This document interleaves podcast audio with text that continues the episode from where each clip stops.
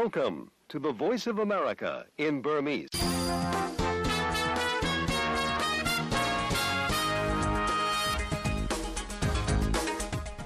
ချစ်စောသောတော်တာရှင်များတာချမ်းမြေ့တဲ့မင်္ဂလာမနက်ခင်းဖြစ်ပါစေဗျာ။ VOA American တန်ရဲ့2024ခုနှစ် February 24ရက်စနေမနက်ခင်းမြန်မာပိုင်းစီစဉ်တွေကို American ပြည်ထောင်စု Washington DC မြို့တော်ကနေလိုင်းဒိုမီတာ32 49လိုက်လက်မီတာ190ပြင် VOA ရဲ့ website Facebook YouTube စာမျက်နှာတွေကနေမနက်6နာရီကနေ9နာရီထိဓာတ်ရိုက်ထုတ်လွှင့်ပေးနေပါတယ်ညာကျွန်တော်ငင်းငယ်ရေးပါအခုမနက်ခင်းအစီအစဉ်တွေကိုတင်ဆက်သွားမှာဖြစ်ပါတယ်ဗျအပြစ်ရဲ့ရေးဆွေးနွေးစေအစ္စရေးလ်ကြောင့်တိုက်ခိုက်မှုကြောင့်ဂါဇာမှာလူရာကျော်တိတ်ဆုံးသွားပါတယ်စစ်ကောင်စီလက်အောက်မှာမြန်မာသတင်းသမားတွေဟာဟန်ဆောင်လုပ်ငန်းတွေနဲ့ကာကွယ်လှုပ်ရှားနေရပါတယ်ရုရှားမြောက်ကိုရီးယားစစ်ရေးပုံမှုနီးကပ်လာမှုကိုကန်တရုတ်ဆွေးနွေးခဲ့ကြပါတယ်အဲ့ဒီလိုနောက်ဆုံးရသတင်းတွေအပြင် အာဏာသိမ်းစစ်ကောင်စီကအသက်သွင်းလိုက်တဲ့စစ်မှုမထမ်းမနေရဥပဒေရဲ့နောက်ဆက်တွဲဂရက်ကြောင့်ထိုင်းနိုင်ငံကမြန်မာနဲ့ထိစပ်နေတဲ့တက်ခရိုင်မှာအဲဇင်းစစ်မဲ့အကြောင်းသတင်းပေးပို့ချက်ဒါ့အပြင်ရခိုင်မှာမွတ်စလင်လူငယ်တွေကိုအတင်းစစ်မှုထမ်းခိုင်းပြီးရခိုင်နဲ့လူမျိုးရေးဘာသာရေးအတီးကယုံဖန်တီးဖို့စစ်ကောင်စီဘက်ကစ조사နေတယ်လို့ရခိုင်တပ်တော်ကဆွဆွဲချက်နဲ့စစ်ကောင်စီဘက်ကတုံ့ပြန်ချက်တွေကိုလည်းကြားဖို့ရှိပါတယ်။ဒါ့အပြင်မြန်မာနယ်စပ်တိုင်းရင်းသားလက်နက်ကိုင်တစ်ဖွဲ့စီကနေနျူကလ িয়ার ပစ္စည်းတွေကို ဂျပန်ယာကူဆိုင်ဂိုင်းကောင်းဆောင်ကပေါင်ခိုကူးမှုနဲ့ပတ်သက်ပြီးမြန်မာသိပ္ပံပညာရှင်တို့ရဲ့သုံးသပ်ချက်ကိုလည်းနောက်ပိုင်းမှာတင်ဆက်ပေးပါမယ်ဗျာ။နောက်ပတ်စံတင်ဆက်ပေးနေတဲ့မြို့သမီးကဏ္ဍသုတဆုံလယ်အမေရိကန်တခွင်နဲ့သိပ္ပံနဲ့နည်းပညာကဏ္ဍတွေကိုလည်းထုတ်လွှင့်မှုပြင်ဆင်ထားပါတယ်။အခုရင်ဆုံးတော့ဒီကနေ့မနေ့ထိတ်ထိုင်းရောက်တဲ့တွေကိုဒေါက်ခင်မျိုးသက်ကပြောပြပေးပါဦးခင်ဗျာ။ရုရှားပေါ်မှာဒဏ်ခတ်မှုအသစ်900ကျော်ချမှတ်ကြောင်းရုရှားရဲ့ယူကရိန်းကျူးကျော်မှုနှစ်နှစ်ပြည့်နှစ်ပတ်လည်အကြိုနေ့ဖြစ်တဲ့ တောက်ကြနေ့မှာအမေရိကန်သမ္မတဂျိုးဘိုင်ဒန်ကကြေညာလိုက်ပါတယ်။ That's why I'm announcing more than 500 new sanctions in response. ဒါရုရှားသမ္မတပူတင်ရဲ့ယူကရိန်းကိုကျူးကျော်တိုက်ခိုက်တဲ့စစ်ပွဲနဲ့ရုရှားတိုက်ခံခေါင်းဆောင် Alexei Navalny အချင်းချနေစဉ်တေဆုံးမှုတွေအတွက်အရေးယူတဲ့အနေနဲ့ချမှတ်တာဖြစ်ကြောင်းပြောပါတယ်။ Navalny ကိုဖမ်းဆီးအကျဉ်းချမှုနဲ့ဆက်နွယ်နေတဲ့လူပုဂ္ဂိုလ်တွေအပြင်ရုရှားရဲ့ဘဏ္ဍာငွေကြေးကဏ္ဍစစ်ပစ္စည်းထုတ်လုပ်ရေးလှုပ်ဆောင်နေသူတွေ ကြားပွဲစားလုပ်ပေးသူနဲ့အမေရိကန်ရဲ့ဒဏ်ခတ်မှုကိုနေရာအနှံ့ရှောင်တိန်လှုပ်ဆောင်နေသူတွေကိုပြစ်မှတ်ထားပြီးအရေးယူတာပါ။သမ္မတပူတင်ဟာသူ့ရဲ့တခြားနိုင်ငံတွေကိုရန်လိုမှုနဲ့သူ့ပြည်တွင်းမှာဖိနှိပ်နေမှုတွေအတွက်ဒဏ်ပြန်ခံစားရမယ်ဆိုတာကိုသိစေဖို့အတွက်လှုပ်ဆောင်တာဖြစ်ကြောင်းလည်းပြောပါတယ်။ကြာသပတေးနေ့ကလည်းနဗာနီရဲ့ကျန်းသူဇနီးနဲ့သမီးကိုကယ်လီဖိုးနီးယားမှာတွေ့ဆုံပြီးရုရှားနိုင်ငံလွတ်လပ်မှုနဲ့ဒီမိုကရေစီရဖို့အဂတိလိုက်စားမှုတွေကင်းဖို့ ကြိုးပမ်းခဲ့တဲ့နဗာနီရဲ့ ထူးခြားတဲ့တပ်တီကို ချီးကျူးခဲ့ပါတယ်။အခုတောက်ကြတဲ့ရုရှားပေါ် ဒဏ်ခတ်ကြောင်း ကြေညာချိန်မှာလဲယူကရိန်းရဲ့ သူ့နိုင်ငံလွတ်မြောက်ရေးအတွက် ခိုင်မာတဲ့ ကြိုးပမ်းမှုကို ဂုဏ်ပြုချီးကျူးပါတယ်။ဒါ့အပြင်နေတိုးမဟာမိတ်အဖွဲ့အနေနဲ့ ပိုမို ခိုင်မာအားကောင်းပြီးစီးလုံးမှုရှိတယ်လို့အမေရိကန်ဥဆောင်တဲ့ မဟာမိတ်နိုင်ငံတွေက ယူကရိန်းကို ဆက်ပြီးပံ့ပိုးပေးမှာ ဖြစ်ကြောင်းလည်း ပြောကြားခဲ့ပါတယ်။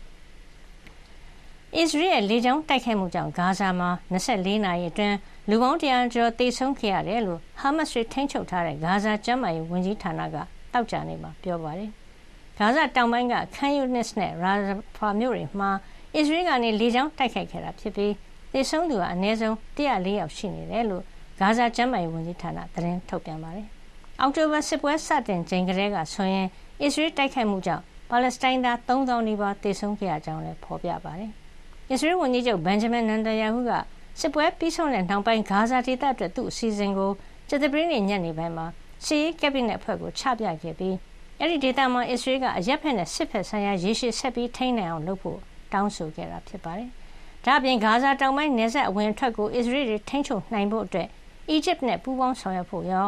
အမေရိကန်ပြည်ထောင်စုနဲ့လက်တွဲဆောင်ရွက်ဖို့ပါတောင်းဆိုတာပါ။အစ္စရေးရဲ့ဒီအစီအစဉ်အတွက်အီဂျစ်ဘက်ကအတည်ပြုချက်ပေးမပေးတော့ရှင်းရှင်းလင်းလင်းမသိရသေးပါဘူး။အ မေရိကန် CNN သတင်းဌာနကတော့ အစ္စရေးရရှိသူပြောကြားချက်ကို ကိုးကားပြီး အီဂျစ်ဟာ အမေရိကန်နဲ့ အတူလက်တွဲလှုပ်ဆောင်မှာဖြစ်ကြောင်း ပြောပါတယ်။ဒီစီစဉ်ကို ပါလက်စတိုင်းကိုယ်စားလှယ်တွေက လက်မခံကြောင်း သတင်းတွေမှာ ဖော်ပြပါတယ်။ဒီစီစဉ်မှာ တချို့ချက်တွေကလွတ်လပ်တဲ့ ပါလက်စတိုင်းနှစ်နိုင်ငံ အတူရှင်တွဲနေထိုင်ရေး အမေရိကန်နဲ့ မြင်ချင်းတဲ့ပုံစံနဲ့ ကွဲနေတယ်လို့ ထောက်ပြကြပါတယ်။ယီမင်နဲ့ ပင်လယ်နီတီရေပြင်မှာရှိတဲ့ ဟူသီတပုံတွေရဲ့ drone တွေနဲ့တင်မောဖြက်ပက်ထင်းတက်မစ်ဇိုင်းဒုံးတွေကို ဖျက်ဆီးပစ်လိုက်တယ်လို့ အမေရိကန်စစ်တပ်ကတောက်ကြနေမှာပြောပါတယ်။ဒီလက်နက်တွေကရေချောင်းမှာရှိတဲ့ကုန်သင်းမောတွေနဲ့အမေရိကန်ရေတပ်သင်းမောတွေကိုချင်းချောက်အန္တရာယ်ပေးတော့မယ့်အနေအထားဖြစ်နေတာကြောင့်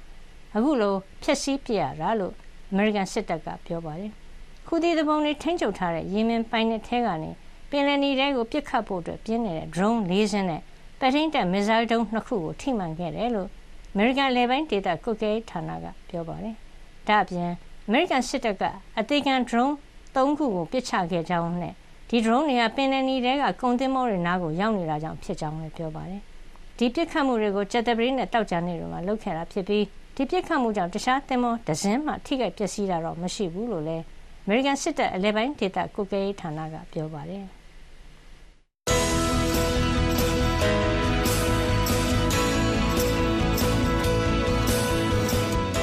VOA American အတန်းမနေ့ဖက်မြန်မာဘာသာအစီအစဉ်တွေကိုမနေ့6နာရီကနေ9နာရီထိလိုင်းဒိုမီတာ32 kHz 9335နဲ့9383ည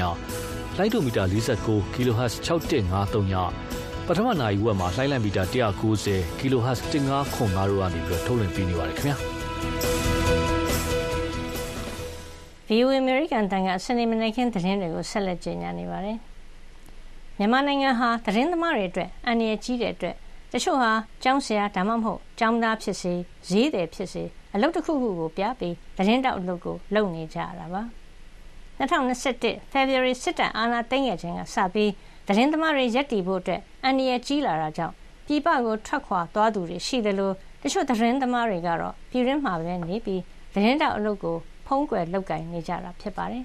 အာဏာသိမ်းစစ်တပ်ကလွတ်လပ်တဲ့သတင်းမီဒီယာတွေကိုပြင်းပြင်းထန်ထန်ဖိနှိပ်ချေမှုန်းခဲ့တာကြောင့်အခု အာဏာသိမ်း၃နှစ်တာကာလအတွင်းသတင်းဌာနဒရာစင်ကျော်အဖျက်သိမ်းခံရတယ်လို့ဖမ်းဆီးအရေးယူခံရတဲ့သတင်းတောက်လည်းယာနဲ့ချီရှိခဲ့တာပါ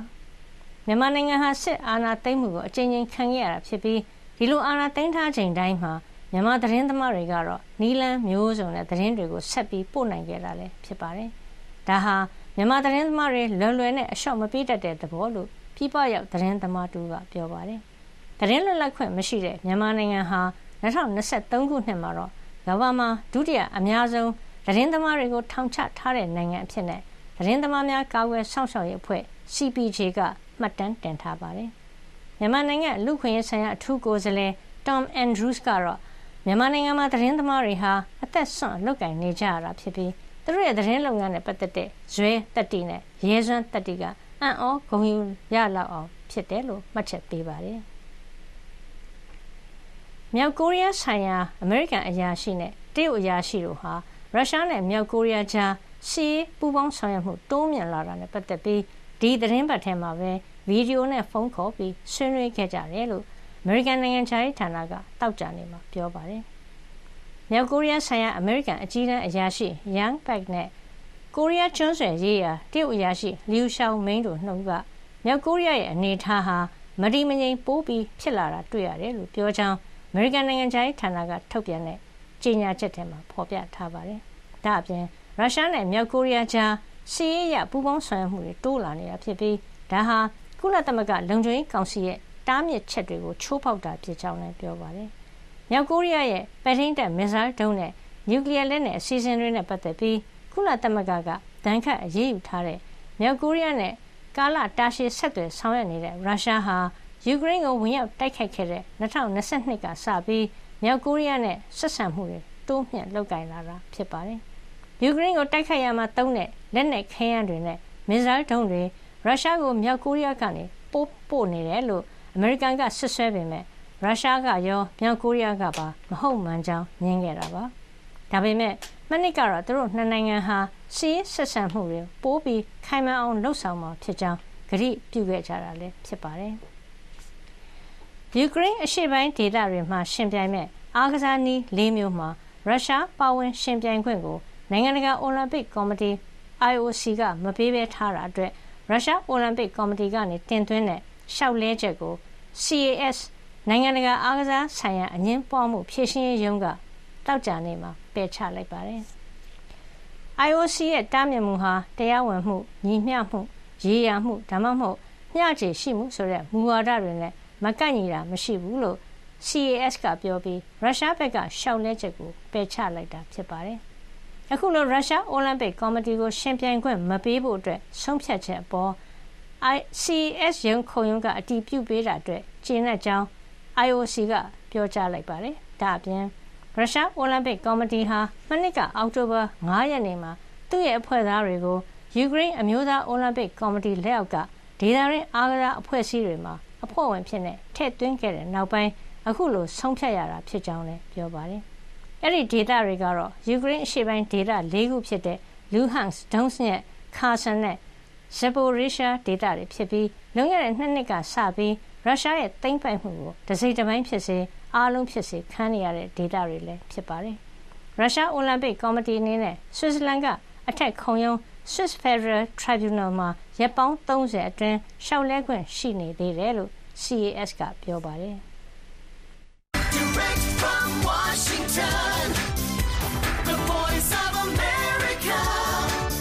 VOA. စနေမနက်ခင်းထိတ်တန့်သတင်းတွေကိုဒေါက်ခင်မျိုးသက်ကြီးညာပေးခဲ့တာဖြစ်ပါတယ်ဗျာ VOA ကအခုထုတ်လွှင့်ပေးနေတဲ့အစီအစဉ်ကို burmese.voanews.com အင်တာနက်စာမျက်နှာမှာလည်း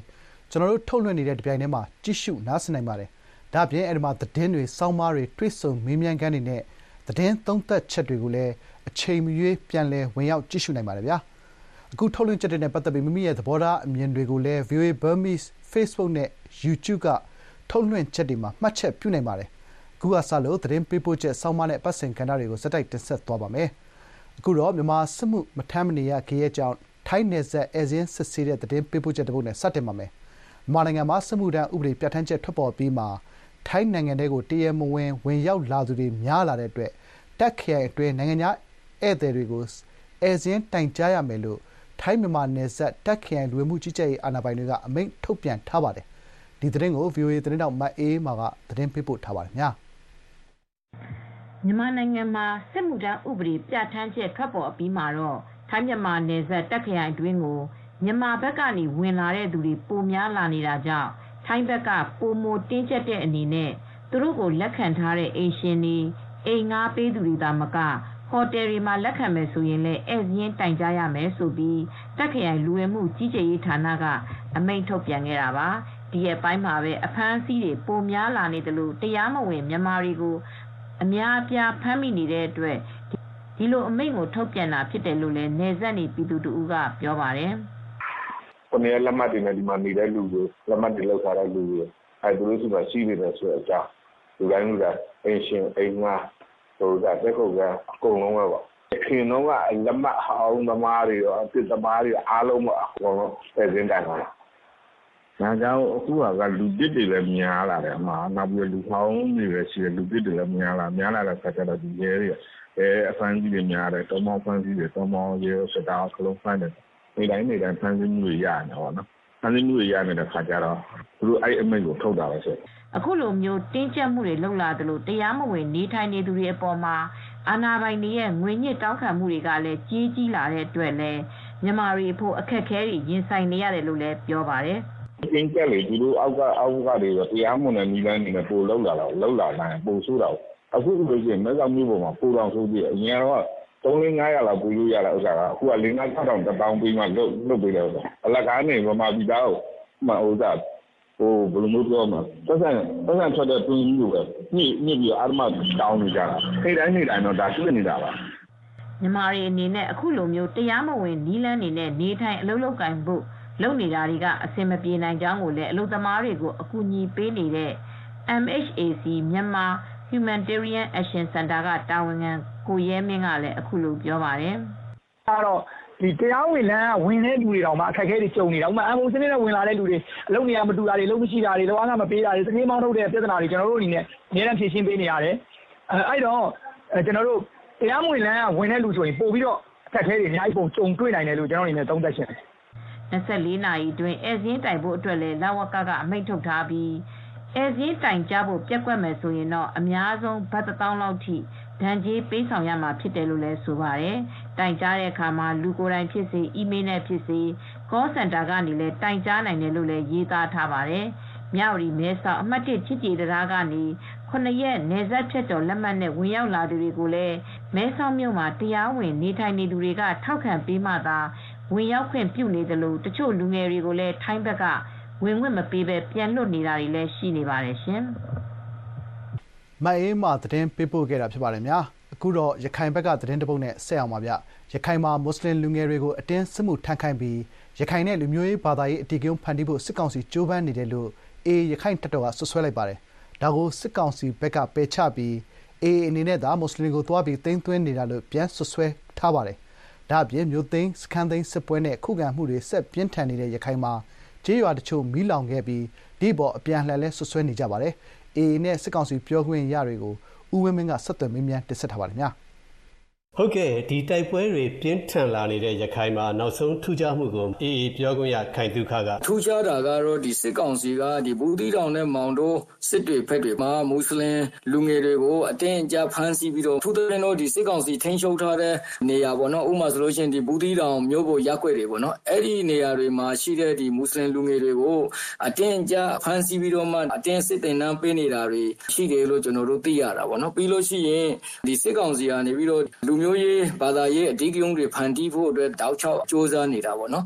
လက်နဲ့မကင်ရှင်တဲ့ဒီမွတ်စလင်လူငယ်တွေကိုဖမ်းဆီးပြီးတော့မှအဲ့လိုမျိုးအတင်းအကျပ်စစ်တင်နှံပေးပြီးလို့ရှိရင်ရခိုင်တွေကိုမွတ်စလင်တွေနဲ့နေပြီးတော့မှတားခိုင်းမယ်ဆိုတဲ့အကြမ်းဖက်ဖက်စစ်စစ်ကောင်စီရဲ့ဒီယုံညံတဲ့လှုပ်ဆောင်မှုတွေကတော့လူအဖွဲ့အစည်းတွေကြားထဲမှာအတော်လေးအန္တရာယ်ကြီးတယ်လို့တော့ပြောလို့ရတာပေါ့ဒီပေါ်စစ်ကောင်စီပြောခွင့်ရဗိုလ်ချုပ်စော်မင်းထွန်းကတော့ဘူးသီးတောင်မောင်တော်မှာရှိတဲ့မွတ်စလင်အတိုင်းဝိုင်းတိုင်းကိုနေလို့ရပါတယ်ဒီမွတ်စလင်အတိုင်းဝိုင်းနေနဲ့အဲ့မှာရှိတဲ့နေပြည်ခံတပ်တွေနဲ့ရှင်တွဲနေထိုင်နေတာကြာပါပြီဒီဟာနဲ့ပတ်သက်ပြီးတော့စစ်သားစုဆောင်းမှုလုံးဝမရှိဘူးလို့ပဲပြောချင်ပါတယ်ဒီအေများကဒါဒါမွတ်စလင်ရွာတွေကိုသွားပြီးတပ်နဲ့လက်တွဲဆောင်ရွက်ခြင်းမပြုဖို့ပြီးရင်သူတို့ကိုထောက်ပံ့ဖို့သူတို့ထဲကိုဝင်ဖို့ဆိုတဲ့ဟာမျိုးတွေစီယုံနေတာတွေရှိပါတယ်ဒါပြင်ဒီနေ့မှာဆိုရင်ဘူးသီးတောင်မှာရှိတဲ့ ပဇွန်ချောင်းပေါ့ပဇွန်ချောင်းလက်ဝဲတဲ့ပဇွန်ချောင်းကြီးရွာမွတ်စလင်ရွာကြီးပါဒါကိုအေးအေးဝင်ပြီးဒီနေ့မှမီးရှို့ခဲ့တာဖြစ်ပါတယ်အိမ်ကြီး900နီးပါးဆုံးရှုံးခဲ့ပါတယ်ဒါတွေကို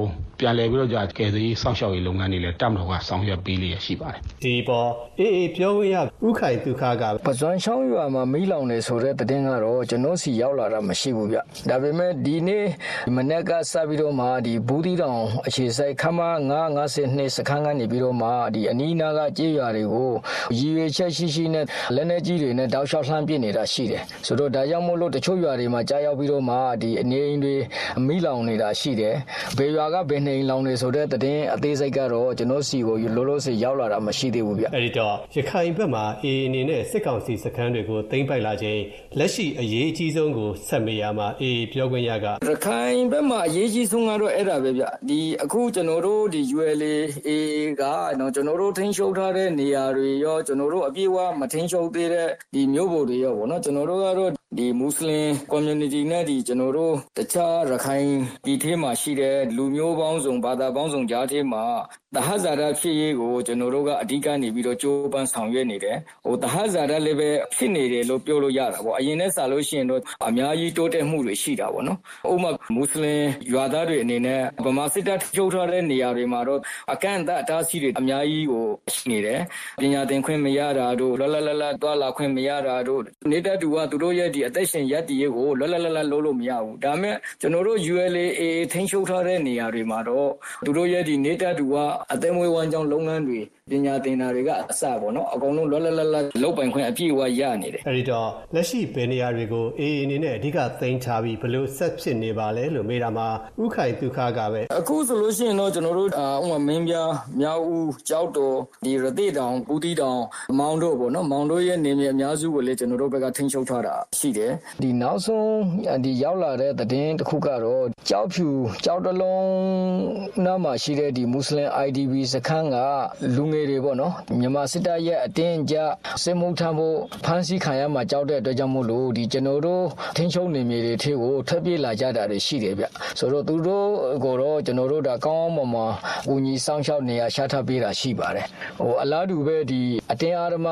စစ်မှုထမ်းဖို့ဖမ်းဆီးခံရမှာကြောက်လို့ပြေးလာတဲ့လူငယ်ဟူသည်များကိုတော့ကျွန်တော်တို့ကဒီလူမျိုးဘာသာမျိုးဦးညီစောင့်ရှောက်ပေးသွားဖို့မူဝါဒချမှတ်ထားတာရှိပါတယ်ဒါအပြင်အခုနောက်ဆုံးတိုက်ပွဲပြင်းထန်မှုကိုလည်းဥခိုင်ဒုက္ခကအခုလက်ရှိမှာတော့ကျွန်တော်တို့ဒီတိုက်ပွဲပြင်းထန်နေတဲ့နေရာတွေကတော့ရမ်းပြေအမ်ပုံနာကျွန်းရသေးတောင်ဘူးတီတောင်မောင်တော့ဗောနော်ပုံနာကျွန်းကတော့မြို့မရေးစခန်းတော့ကျွန်တော်တို့တင်ထားပြီးပြီကျန်တဲ့ခမ950စီတိုက်ရင်ကိုတော့ကျွန်တော်တို့ဆက်ပြီးတော့ထိုးစစ်ဆင်နေတာပေါ့ဟိုကျွန်တော်တို့ကတော့ရခိုင်ဒေသမှာရှိတဲ့အကြမ်းဖက်စစ်ကောင်စီရဲ့တပ်ဖွဲ့တွေအာ လက်နက်ချဖို့ကြိုတင်ပြီးတော့ပြောထားတာရှိတယ်လက်နက်မချတဲ့စခန်းတိုင်းကိုလည်းပဲကျွန်တော်တို့ကဆက်လက်ပြီးတော့ထိုးစစ်ဆင်တိုက်ခိုက်ချေမှုန်းသွားမှာဖြစ်တယ်ဗျဒီပေါ်ဗိုလ်ချုပ်စော်မင်းထွန်းကတော့ဒီပုံနှကျုံးနဲ့ပတ်သက်ပြီးတော့ကျွန်တော်တိုက်ပွဲဖြစ်ပွားနေတာရှိတယ်ဒီပုံနှကျုံးရဲစခန်းအနေနဲ့အင်အားနည်းတဲ့အတွက်ကြောင့်မလို့ကျွန်တော်တို့လုံခြုံရေးတပ်ဖွဲ့နဲ့ပြန်လည်ပူးပေါင်းပြီးလုံခြုံရေးဆောင်ရွက်နေရမျိုးရှိပါတယ်တကယ်တော့အေးအေးအနေနဲ့တော့ရခိုင်မှာမြို့သိမ်းတိုက်ပွဲတွေတိုးပြီးလှုပ်ဆောင်နေတာမှာမြို့တော်စစ်တွေကိုပါချင်းချောက်လာနေပြီလို့စောင့်ကြည့်သူတွေက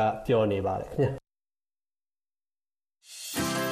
VOA American တန်ရဲ့ရုပ်သံနဲ့ရေဒီယိုထုတ်လွှင့်မှုတွေကိုနေ့စဉ် American ပြည်အောင်စုဝါရှင်တန်မြို့တော်ကနေဓာတ်ရိုက်ထုတ်လွှင့်တင်ဆက်ပေးနေပါတယ်။ဂျိုရုဖဲယူမှုနဲ့ line to meter တို့အပြင်ကျမတို့ VOA မြန်မာပိုင်း internet စာမျက်နှာဖြစ်တဲ့ burmese.voanews.com မှာလည်းကြည့်ရှုနားဆင်နိုင်ပါတယ်။ VOA မြန်မာ internet စာမျက်နှာကိုဝင်ကြည့်လို့မရရင်တော့တခြားနောက်နည်းလမ်းတွေနဲ့လည်းဝင်ကြည့်လို့ရပါတယ်။အဲဒီနောက်ထပ်နည်းလမ်းတွေကိုရဖို့ဆိုရင် Siphon link bit.ly/36fapfe နဲ့ nlink ဖြစ်တဲ့ nlink.com/download ဆိုတဲ့ web လိပ်စာတွေမှာ application ရယူနိုင်ပါတယ်နော်။ VOA American တန်ရဲ့ရုပ်သံနဲ့ radio ထုတ်လွှင့်ချက်တွေကိုမြန်မာပြည်သူတွေစီအရောက်ပို့ပေးနိုင်မှုအစီအမြဲကြိုးပမ်းနေပါတယ်ရှင်။အခုတော့မြန်မာနျူကလ িয়ার ကိစ္စသိပ္ပံပညာရှင်တူရဲ့သုံးသပ်ချက်နဲ့ဆက်ပါမယ်ဗျာမြန်မာနယ်စပ်တိုင်းရင်းသားလက်နက်ကိုင်တစ်ဖွဲ့စီကနေ နျူကလီးယားပစ္စည်းတွေကို ဂျပန်ယာကူဇာဂိုဏ်ခေါင်းဆောင်က တကယ်သာ ရခဲ့တယ်ဆိုရင် မြန်မာအတွက်သာမကဘဲ တကမ္ဘာလုံးအတွက်ပါ နျူကလီးယားအန္တရာယ်ရှိနေကြောင်း မြန်မာသိပ္ပံပညာရှင်တဦးက သတိပေးလိုက်ပါတယ်။အမေရိကန်ပြည်ထောင်စုမှာ ၂၀၂၂ ခုနှစ်ကတည်းက ဖမ်းဆီးထားတဲ့ ဂျပန်ယာကူဇာဂိုဏ်ခေါင်းဆောင် Takashi Ibisawa ကို လက်နက်နဲ့ မူးယစ်ဆေးဝါး မှောင်ခိုကူးမှုဆိုတဲ့ အရင်က စွပ်စွဲထားတဲ့ စွပ်စွဲချက်တွေအပြင်မှာ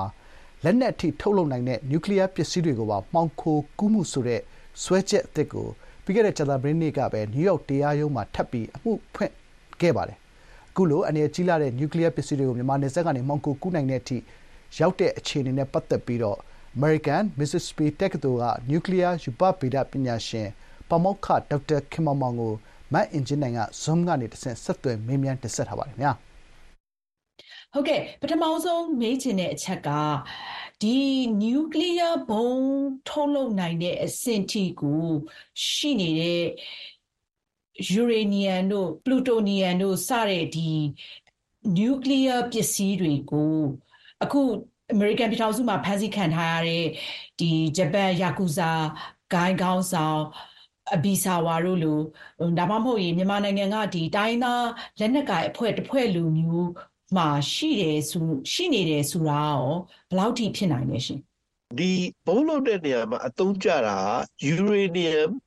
ရဲ့ပလူတိုနီယမ်ရဲ့တစ်မျိုးရှိတယ်ယူရေနီယမ်မှာတဘာဝအတိုင်းဖြစ်တာယူရေနီယမ်238ရဲ့ဆိုသူ့နာမည်ပေါ့လေနော်တော့ယူရေနီယမ်235ရဲ့ယူရေနီယမ်235ဆိုတာဘုံလုံးတဲ့နေရာမှာသုံးလို့ရတယ်ဟုတ်ပြီ အဲ့တော့အဲ့ဒီ235ကကွဲပြီဆိုတော့ပလူတိုနီယမ်ဘယ်လိုလုပ်ရလဲဆိုတော့အလွန်အောင်ဟောဖို့ကောင်းတယ်ဘာလဲဆိုတော့ပလူတိုနီယမ်ဆက်ကောင်ကသူကသူ့ရဲ့ဟိုအရေးအတွက်ပေါ့လေဒီအထက်မှာပါတဲ့ proton neutron total အရေးအတွက်က239ရှိတယ်ဆိုတော့ဘယ်လိုဖြစ်ရလဲဆိုတော့ဒီ uranium 238ကတခြား reaction ထွက်လာတဲ့ neutron တစ်ခုကိုသူက ဖမ်းယူလိုက်ရော absorb လုပ်လိုက်ရောလုပ်လိုက်ပြီး तू က uranium 239ဆိုတာဖြစ်သွားတယ်တကောင်ကြီးသွားတာပေါ့ပြီးတော့မှအဲ့ဒီ239ကနေပြီး तू ကတခါအဲ့ဒီထက်မှရှိတဲ့ proton တစ်လုံးကတလို့အာ beta decay ဖြစ်တယ်လို့ခေါ် electron တစ်ခုထုတ်ပြီးတော့ तू က neptunian ဆိုတာဖြစ်သွားတာနောက်ထပ်တစ်ခါအဲ့လိုမျိုးနောက်ထပ် beta decay နောက်ထပ်တစ်ခါဖြစ်ထပ်ဖြစ်တော့မှ तू က plutonium ဖြစ်တာ အဲ့တော့အဲ့အမျိုးဖြစ်ဖို့ဆိုရင်အဲ့ဒါ nuclear reactor ထဲမှာပဲလုပ်လို့ရတယ်ဘယ်မှမလုပ်လို့မရဘူးတခွဲကားမှာလည်းဒီလိုလုပ်လို့မရဘူးဘာတွေမှဓာတ်ပြုပြီးလုပ်လို့မရဘူးအဲ့တော့ဒီ plutonium ရတာတကယ်ဟုတ်တယ်ဆိုလို့ရှိရင် reactor တစ်ခုရှိနေပြီအဲ့ဒါကိုလုပ်ပေးတဲ့တစ်ခုရှိနေပြီတွေ့တယ်တကယ်မှန်ပြီဆိုရင်ဒါဗမာပြည်ထဲမှာသူတို့ဒါမှမဟုတ်နေစားမှာပေါ့လေဘ ᱹ အကူအညီနဲ့လှုပ်ထားလဲတခုတော့ရှိနေပြီသိကြတယ်အဲ့ဒါဆိုလို့ရှိရင်ဒီနျူကလ িয়ার ဓာတ်ပေါင်းဖို့ရှိဖို့ဆိုလို့ရှိရင်ဒီဒီလိုမြန်မာနိုင်ငံလိုတိုင်းရင်းသားလက်နက်ကိုင်အဖွဲ့ ထိန်းချုပ်ထားတဲ့နေရာမှာရောရှိနိုင်လားဒါမှမဟုတ်ရင်ဟိုမြန်မာစစ်တပ်ပေါ့နော်သူတို့ကအရင်တည်းကဒါနျူကလ িয়ারဟိုရုရှားနဲ့သူတို့တွေကဒီနျူကလ িয়ার ဓာတ်ပေါင်းဖို့ပေါ့လေဟိုသူတို့ဟိုစွမ်းရင်အတွက်အသုံးပြုဖို့ဆိုပြီးတော့ဒါစစ်ကောင်စီကလည်းဒီရုရှားနဲ့ပူးပေါင်းကြိုးပမ်းနေတာလည်းရှိတော့ဒီလိုမြန်မာစစ်တပ်ထိန်းချုပ်ထားတဲ့နေမြေဘက်မှာရှိနေတဲ့နျူကလ িয়ার ဓာတ်ပေါင်းဖို့တွေဘက်ကနေပြီးတော့ထွက်လာတဲ့ယူရေနီယံမျိုးရောဖြစ်နိုင်လားရှင် ကျွန်တော်မြင်တယ်တော့စစ်တပ်ကလုပ်ရင်စစ်တပ်ကတက်ကြွားနေပါအခုလောက်ဆိုလူတိုင်းသိနေပြီဘာလို့လဲဆိုတော့သူတို့ကရုရှားအောင်သူတို့ဝယ်မလို့လေလုပ်တယ်မလားဒီအသေးစား reactor လေးတွေဆိုတော့ရုရှားနေအသေးစား reactor လေးတွေဝယ်မလို့လုပ်နေတော့ကျွန်တော်တို့တော့စဉ်းစားသေးရလေဒီသူတို့ဝယ်လို့ရှိရင်လက်နက်လုပ်ဖို့စိတ်ကူးရှိမလားထွက်လာတဲ့ဒီ nuclear waste ကိုသူတို့ဘယ်သွားပြစ်မလဲရုရှားပဲပြန်ယူသွားမှလားစဉ်းစား အခုဟာတော့နဲတာမှမဟုတ်ပဲသူကတန်90ရှိတယ်လို့ပြောတယ်နော်ပလူတိုနီယမ်ကတော့ဘယ်လောက်ရှိလဲသူတို့မပြောဘူးစုစုပေါင်းအားလုံးသူတို့ရောင်းဖို့သူ့မှာတန်90ရှိရလို့ပြောတာဆိုတော့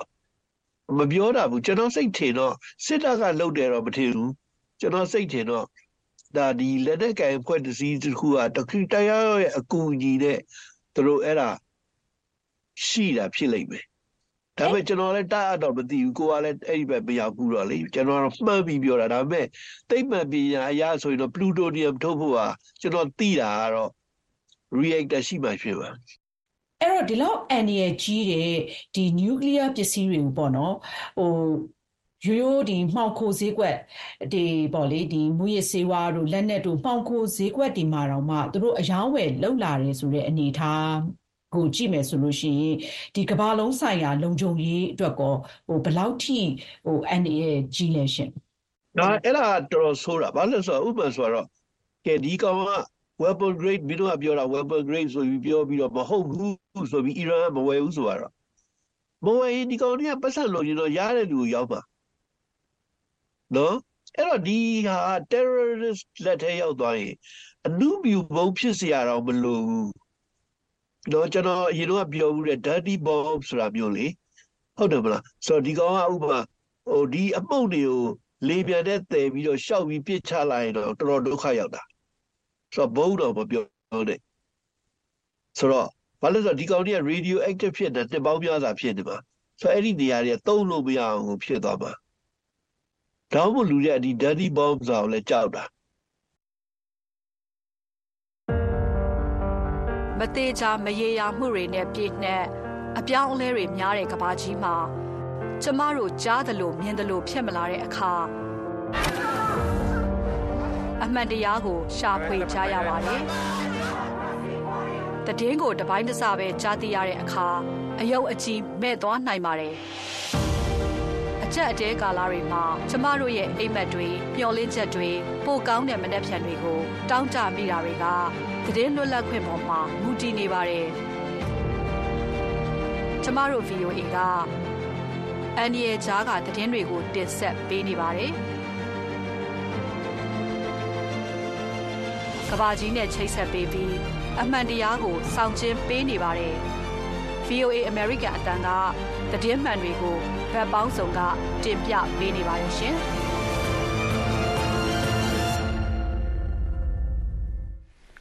အခုတော့ VOA ရဲ့စနေမနေ့ခင်းအစီအစဉ်တွေကိုဆက်လက်တင်ဆက်နေပါတယ်များအပတ်စဉ်ကဏ္ဍတွေအလှည့်ပါသုတဆုံလင်အမေရိကန်တခွင်နဲ့သိပ္ပံနဲ့ဤပညာကဏ္ဍတွေမတင်ဆက်မီမှာအမျိုးသမီးကဏ္ဍနဲ့စတင်ပါမယ်မတန်ဆွမ်းဘဝခက်ခဲမှုကြားကဤပညာအိမ်မက်ကိုပုံဖော်နေတဲ့ပကြီးဆီယာမတယောက်အကြောင်းဒုတိယဘိုင်းကိုဆက်မှာပါဗုဒ္ဓဘာသာထုံးကားပါတယ်ဆိုတဲ့မြန်မာနိုင်ငံမှာ လူမှုပတ်ဝန်းကျင်အတိုင်းဝိုင်းကဘာသာရေးကိုအသုံးချပြီးမတန်ဆွမ်းသူတွေပေါ်ဖိနှိပ်တာလှစ်လျရှုတာပြစ်ပယ်တာတွေကိုကိုယ်တိုင်ကြုံတွေ့ခဲ့ရတယ်လို့ပကြီးဆီယာမခင်သီတာပိုင်းကပြောပါတယ်ဒါကြောင့်လည်းမတန်ဆွမ်းတွေပေါ်ခွဲခြားဆက်ဆံမှုနည်းတဲ့အမေရိကန်ပြည်ထောင်စုမှာအခြေချနေထိုင်ဖြစ်ခဲ့တာလို့သူကပြောပါတယ်။သူဝန္ဒနာပါတဲ့ပကြီးအနုပညာကိုဘလို့အခြေအနေမျိုးမှာပဲဖြစ်ဖြစ်ဆက်လုပ်သွားမယ်လို့လည်းသူကပြောပါတယ်။ညာသူ့ရဲ့ဖြတ်တန်းမှုကိုဒုတိယပိုင်းဖြစ်ဒီသတင်းပတ်မျိုးသမီးကဏ္ဍမှာမက်ကွန်ပျူတာကတင်ဆက်ထားပါတယ်ညာ။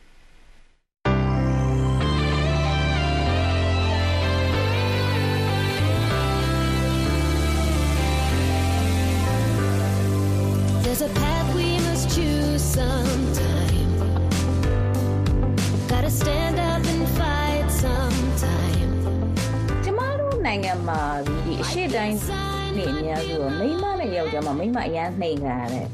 coach တို့ယဉ်ကျေးမှုဖြစ်နေတာနှစ်ပေါင်းများစွာရှိပြီအထူးသဖြင့် main ကလေးလည်းဖြစ်တယ်နောက်ပြီးတော့ဒီမတမစွမ်းတို့ဒုက္ခိတတွေဆိုရင်သူတို့ကဒီအရင်က which way အကြောင်းဆိုရင်လူစင်မမီတဲ့ပုံစံတွေထားကြတယ်ဆိုတော့မိသားစုပေါ့အများစုကတရားမှာ60ကအဲ့လိုဖြစ်နေတယ်မှကြည့်တာ ပေါင်းဝင်းကျင်ရှုံချတယ်ဒါ which way ကြောင့်ဒါ which way ကြောင့်ဆိုပြီးသူတို့ရဲ့အကျင့်ကပါရှိတယ်ဒီအရင်က which way ကိုစင်ကြယ်အောင်သူသူများလုပ်ခဲ့တဲ့အမိုက်တွေရှင်းအိမ်သာစိတ်ဒါနဲ့ပဲအမဘဝကျင်လည်ခဲ့တယ်ဗမာပြည်မှာနောက်ခီးမှာပေါ့လေအဲ့ဒါတွေကပေါင်းဝင်းကျင်ကလည်းမိဘကဒီလိုပြောတာကိုခံပြောရင်လည်းငရဲကြီးမဒါနင်ဒါကြောင့်ဒီလိုဖြစ်တာဆိုပြီးဘာသာရေးကို ကိုအသုံးပြုပြီးခြောက်ပြီးတော့လောက်ခိုင်းတာတွေပေါ့ကိုကလည်းမသိဘူးရင်တော့အရန်ကြောက်ခဲ့တယ်ဒါပေမဲ့ကိုဒီရောက်လာတဲ့ချိန်မှာဒါတွေကအလကားတွေပဲနောက်ဗမာပြည်မှာဒီကားစီးဖို့ဆိုတာဒီမသမစွမ်းဆိုရင်ကိုက disable parking ဆိုတာလည်းမရှိဘူးဒီနိုင်ငံမှာရှိတယ်အမစင်ကာပူရောက်ခုတယ်စင်ကာပူမှာလည်းရှိတယ်ဗမာပြည်ကဒီလို disable parking လည်းမရှိဘူး ဒီအမ store မှာ store ကဥမာ Costco တို့ဘာလို့အဲ့လိုကျဲတဲ့ store တွေဆိုရင်အမကြာရှည်လမ်းမလျှောက်နိုင်တော့ဆရာဝန်ကလည်းပြောရတယ် electric shopping cart နဲ့ shopping လုပ်ဒါတွေကအမတို့အတွက်ရတယ်ဘာမှမမဒါမှမရှိ Gotta break from the past sometime.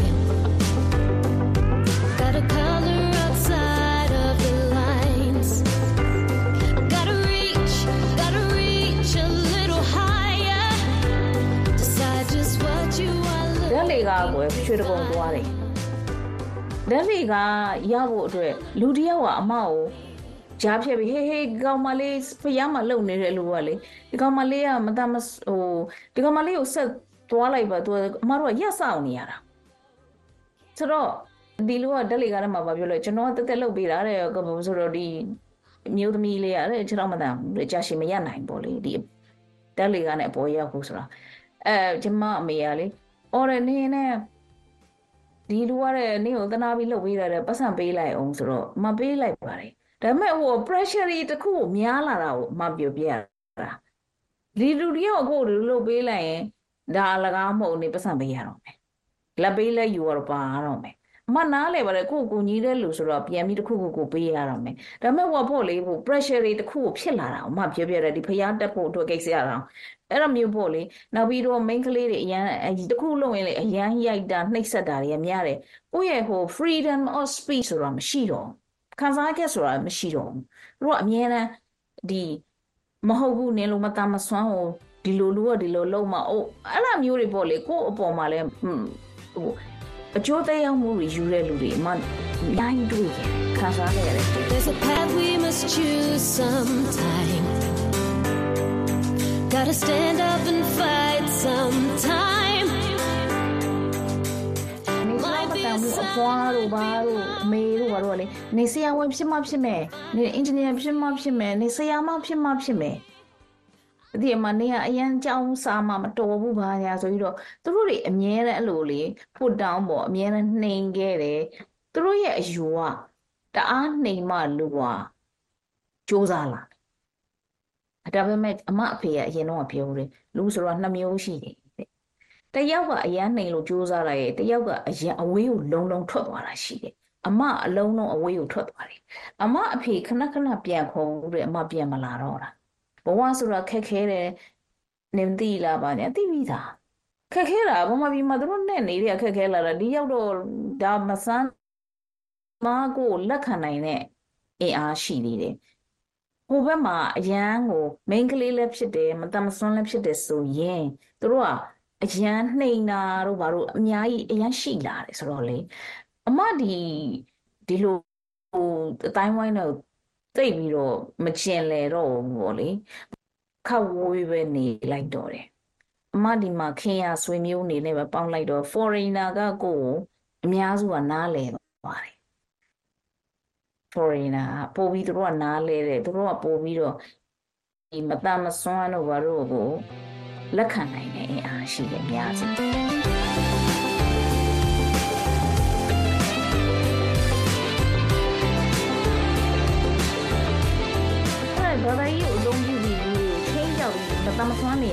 ငွေကြွေးခါမာကြောင့်ဖြစ်တယ်ဆိုပြီးတော့အမားတို့တွေကဒီတိုင်းပြည်ရဲ့ system တစ်ခုကလည်း human right ကိုမရှိကြတော့အမားတို့လိုလူမျိုးကပိုပြီးအနှိမ်ခံလိုက်ရတယ်မိန်းမဖြစ်တယ်မဒုက္ခိတဖြစ်တယ်အဲ့နှစ်ခုမှရင်ကိုကဟို third class citizen ဖြစ်သွားတယ် second class တဲ့နှိမ်သွားတယ်ဒါတွေကိုအမတော့ပြောလိုက်ရင်မဟာတရားတရွာလုံးနဲ့ကိုကရန်ဖြစ်တယ်လို့ပြောခံရ ဒါကြောင့်မလို့အမနားလေတယ်ဒီလိုမျိုးခံစားလာတဲ့လူတွေဒီတိုက်ပွဲကိစ္စနဲ့ပတ်သက်ပြီးဒီတိုင်းရင်းသားတွေ PDF တွေ generation Z တွေတိုက်ပေးနေတော့အမစိတ်ချမှာသူတို့အမအရန်အောင်နေစေချင်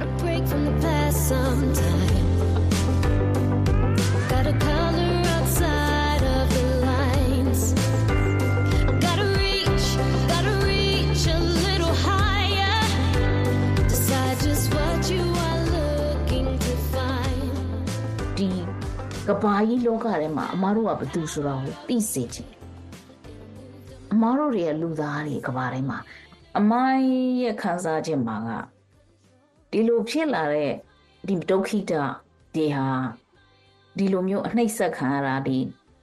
အိမ်တွင်းရေးထဲမှာဘလို့အနှိမ့်ဆက်ခံရတဲ့ဘာညာတွေဆိုတော့အမနာလေဒီလိုပဲအမမှာလည်းဒီဘက်သေရုပ်ချိုးကံမီလူကြီးတွေခြောက်လာတာဟိုစင်ရဲတယ် ဘာဖြစ်လို့လဲနေတလို့ပြုံးလို့ဆိုရင်အဲသူတို့အဲ့လိုမျိုးတွေပေါ့လေ narrow minded ဖြစ်အောင်ကိုချတာလားဆိုတော့အမအဲ့ society ကိုရှင်းပြောရင်ဒီလိုမျိုးတွေကိုပြန်လာထောင်ဖို့အမမစင်စားဘူးအမလိုပဲဒုက္ခိတတွေဖြစ်နေတယ်ဗမာပြည်မှာဒီလိုစကားတွေယုံပြီးခြောက်လန့်ပြီးတော့လူတွေကိုယ်ကိုမလိမ့်တစ်ပတ်လောက်တာတွေမယုံကြည်သင့်ပါဘူးလို့အမထင်တယ်ဒါအမကိုယ်ခံနေတာ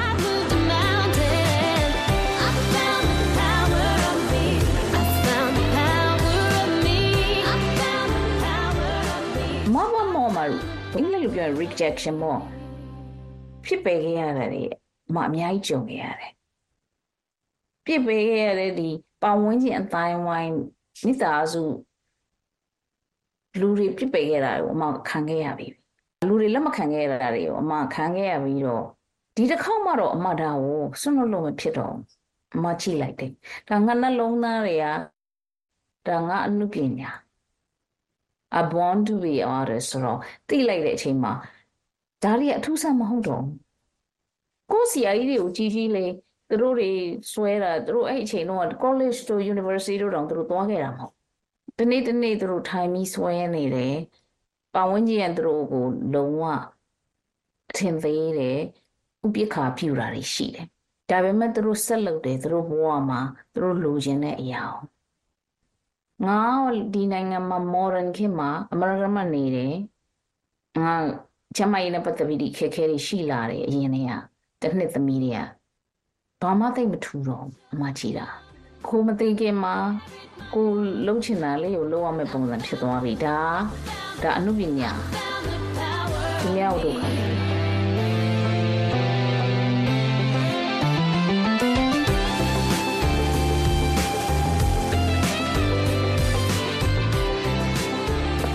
တော့ရှိသေးတယ်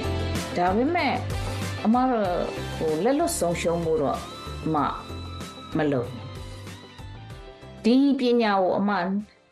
အသက်30ကျော်ရရစပြီးတော့လှုပ်လာတယ်ကိုကငါဒါကိုလိုချင်တယ်ဆိုတော့သိသွားတယ်နောက်ပိုင်းမှာဟိုသိသွားတယ်ဆိုတော့ဒါကိုအမဆုံးဆုံးဆုံးလို့ဖို့အမလုံးဝမစင်စားဘူး ပကြီးဆွဲတဲ့အချိန်မှာအမဝမ်းနေတာဝမ်းသာတာရောဒီစိတ်တိုးတာတွေရောဖြည့်ပြောင်းသွားတာဟာအမရဲ့ပကြီးရဲမှာရောပြပါတယ် I found the power, the power of me.